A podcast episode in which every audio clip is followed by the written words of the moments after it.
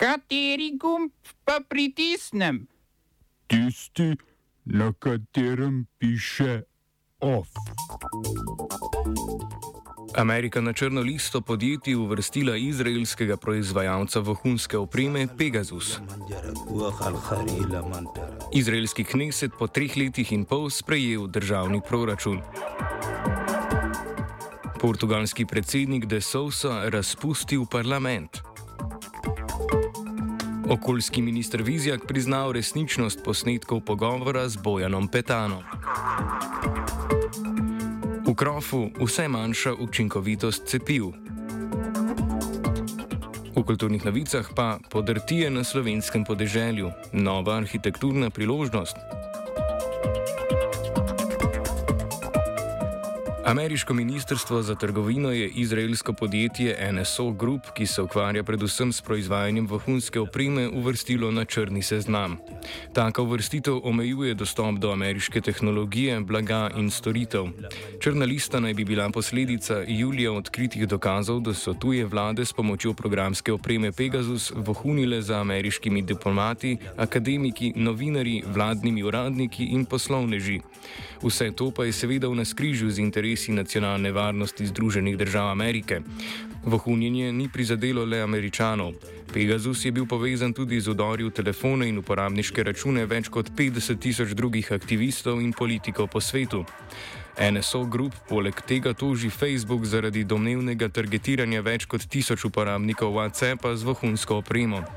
Poleg tega so na črni seznam uvrstili še tri podjetja, ki se ukvarjajo s, dejavnost, s podobnimi dejavnostmi: izraelski Kandiru, ruski Positive Technologies in singapurski Computer Security Consultancies.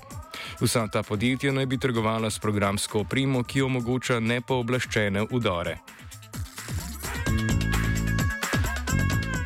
So pa ZDA veliko bolj milostne, ko pride do njihovih lastnih operacij. Ameriško obrambno ministrstvo je razsodilo, da v avgustovskem napadu z droni v Kabulu, v katerem so ubili deset civilistov, ni šlo za nikakršno kršenje vojnega prava, temveč le za žalostno napako. Zagrešili naj bi jo ne iz malomarnosti, pač pa zaradi netočne interpretacije podatkov, ki je privedla do napada na napačno hišo. Takoj po napadu so v Washingtonu trdili, da so v operaciji ubili odgovorne za napad na letališče v Kabulu, kjer je potekala ameriška evakuacija iz Afganistana.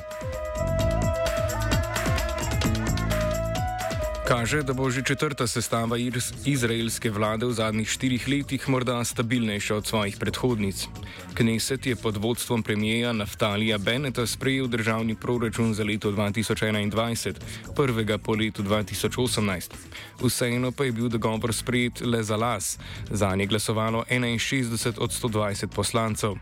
Če proračun, sicer vreden kar 168 milijard evrov, ne bi bil sprejet do 14. novembra, bi bil izpolnjen pogoj za predčasne parlamentarne volitve, že pete v zadnjih dveh letih. Proračun sicer vključuje tudi gradnjo naselij za judovske priseljence na okupiranem Zahodnem bregu. Mednarodno pravo to prepoveduje. Izrael je proti gradni pozvalo 12 evropskih držav in tudi ZDA, a Izraelci na palestinski zemlji še vedno nameravajo zgraditi več kot 3000 domov. Ker je del Benetove koalicije tudi arabska stranka, proračun vsebuje tudi nekaj več kot 8 milijard evrov za palestince, ki živijo znotraj meja Izraela.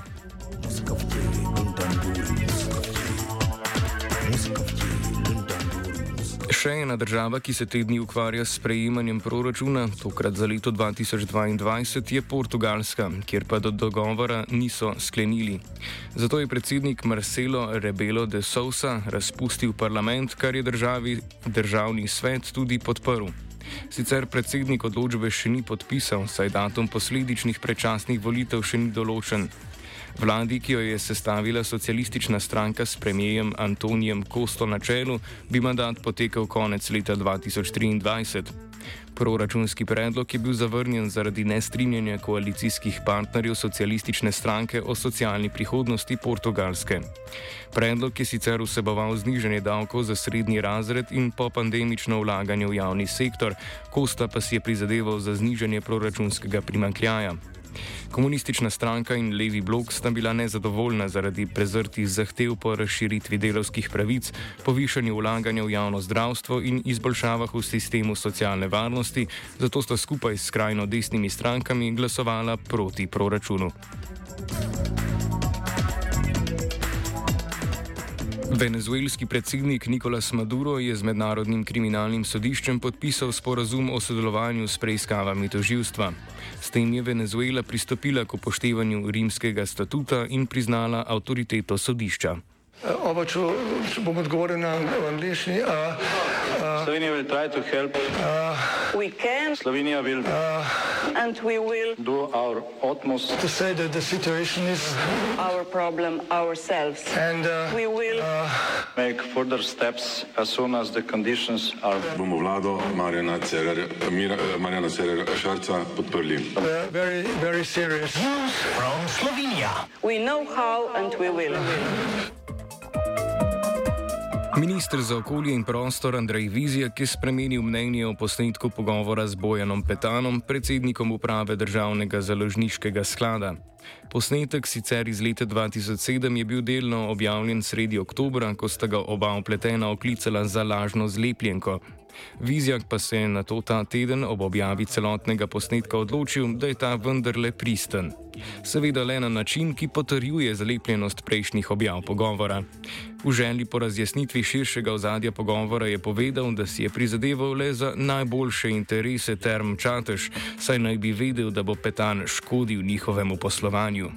Kdo bi ga želel diskreditirati in čemu so lepljenke namenjene, pojasni Vizjak.